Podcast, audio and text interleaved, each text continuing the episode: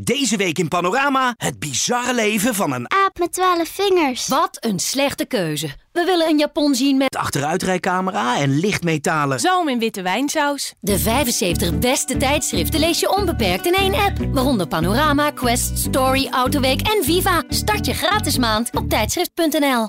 Welkom bij Rollenbollen, een podcast van Kek Mama. Vijf keer per week, twee keer per maand of één keer per jaar. Elke aflevering hoor je een verhaal over het seksleven van een moeder. Deze week het verhaal van Marjolein. Marjolein is 35, moeder van 7 maanden oude Lot en zwanger van de tweede. Zij en Boris houden erg van seks in de open lucht. Maar dat blijkt met een baby in de maxicosi niet altijd even makkelijk. Weet je wat een enorme libido-killer is? Twee grote babyogen die je vreemd aankijken terwijl je net lekker aan de gang bent. Mijn vriend Boris en ik kunnen beide prima presteren, maar niet echt met publiek. Dan is de pret meteen over. Onze dochter Lot slaapt sinds haar geboorte bij ons op de slaapkamer. En dat vinden we allebei super fijn, maar het belemmert ons wel om ongestoord te kunnen vrijen. Meestal schuiven we dan helemaal naar de linkerkant van het bed en maken we een dam van opgestapelde kussens zodat zij niets kan zien. Daarna is het een kwestie van zo min mogelijk geluid maken. Ja, natuurlijk, baby's hebben geen idee wat papa en mama aan het doen zijn. En laten we wel wezen, het is eigenlijk alleen maar fijn voor haar dat haar ouders zo gek zijn op elkaar, maar het blijft een raar idee als ze meekijkt. Normaal is Lotte al jaloers als ze ziet dat Boris mij bijvoorbeeld kust. Dan laat ze meteen van zich horen, alsof ze denkt: hey, vergeten jullie mij niet te knuffelen? Toen ik Boris twee jaar geleden leerde kennen, was ik meteen eerlijk tegen hem. Want ik heb hem verteld dat als we samen kinderen wilden, we wel een beetje op moesten schieten en dat we wellicht ook medische hulp nodig hadden. Ik heb namelijk met mijn ex jarenlang geprobeerd om zwanger te raken. Ik kreeg zeven miskramen en hij gaf mij uiteindelijk de schuld. Het zou aan een slecht werkende eierstok hebben gelegen. De ongewilde kinderloosheid zorgde voor veel spanningen tussen ons, waardoor we uiteindelijk uit elkaar groeiden en uit elkaar zijn gegaan. Boris en ik deelden gelukkig hetzelfde verlangen. Hij had ook een sterke kinderwens. Zijn relatie was ook net stuk gelopen, maar dan omdat zij geen kinderen wilde.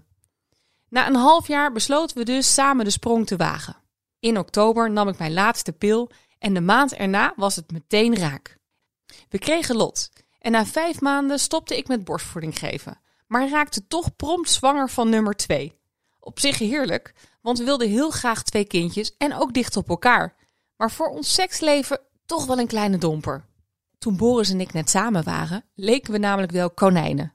We deden het de hele dag overal. Niet zo raar dus dat we razendsnel weer zwanger waren. Maar nu, met onze baby in de co-sleeper naast ons, is de frequentie gekelderd naar maximaal twee keer per week. Dat komt overigens niet alleen doordat we haar niet willen wakker maken, maar ook door de nachtdiensten van Boris die in de zorg werkt. Dat en de gebroken nacht in combinatie met mijn zwangerschapsmoeheid maakt het allemaal wat minder. Maar vergeleken met vrienden van ons die een baby hebben die twee weken jonger is, hebben we niet zoveel te klagen. Zij doen het helemaal niet meer, biechte mijn vriendin laatst op.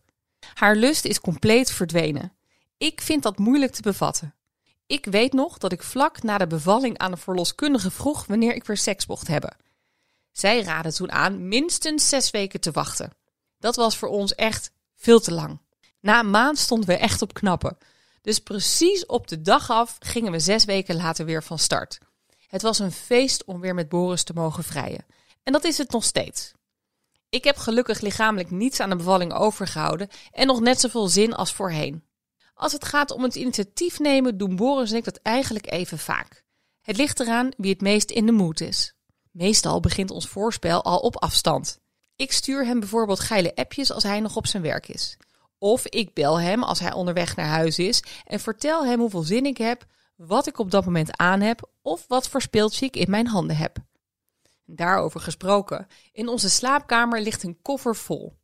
Eigenlijk was het ooit bedoeld als een schatkist voor de kleine, maar we hebben die dus ingepikt voor onze verzameling seksspeelgoed.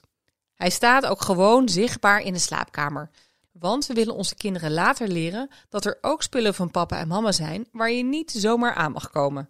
En tegelijkertijd willen we ook niet geheimzinnig doen over seks. Ik heb vroeger ook alles aan mijn moeder kunnen vragen. Bij vriendinnetjes werd vaak het verhaal opgehangen dat als papa en mama elkaar een kus gaven, er een kindje kwam. Mijn moeder vond dat onzin en legde alles eerlijk aan mij uit. Toen ik ouder was, kon ik ook gewoon om de pil vragen. Diezelfde openheid wil ik straks ook tegenover mijn kinderen hebben. Net als de boodschap dat seks, mits gewenst bij beide partijen, heel fijn kan zijn. Want vaak horen kinderen alleen over de gevaren van seks en niet het plezier. En dat is jammer. Goed, nu met de baby in onze slaapkamer worden Boris en ik inventief als het gaat om andere seksplekken. Toevallig deden we het gisteren nog op de bank. Maar we doen het ook wel eens op de trap, de tafel of in de keuken. Vroeger zocht het vooral buitenshuis. Van de bossen en het strand tot zelfs stiekem in de paskamer van CNA. We vonden eigenlijk alles even spannend. En als ik heel eerlijk ben, dan longt de buitenseks nog steeds. Maar met een baby in de maxi is dat niet altijd even makkelijk. Een van onze leukste keren buitenshuis was tijdens een wandeling in de duinen. We belanden in een verlaten bunker en begonnen wild met elkaar te zoenen. Ik was net bezig Boris te pijpen toen we voetstappen hoorden. Snel keek ik op en Boris trok zijn broek weer omhoog. Op dat moment stapte er een oude echtpaar de bunker binnen.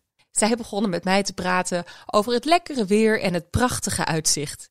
Ik knikte braaf, maar durfde Boris niet aan te kijken, die met een knalrode kop en een te strakke broek naast mij stond. Pas na vijf minuten vertrok het oudere stel weer. We hebben er later vreselijk om gelachen, want we voelden ons als twee verliefde pubers die stiekem experimenteerden. Ik hoop dat we snel weer zo'n spannend avontuur beleven. En dit was hem weer. In de volgende aflevering van Rollenbollen kun je luisteren naar het verhaal van Aisha. De zwangerschappen van Aisha hebben haar libido behoorlijk in de war geschopt. En daarom plannen zij en haar man bewust twee keer per week seks in. Luister je weer mee?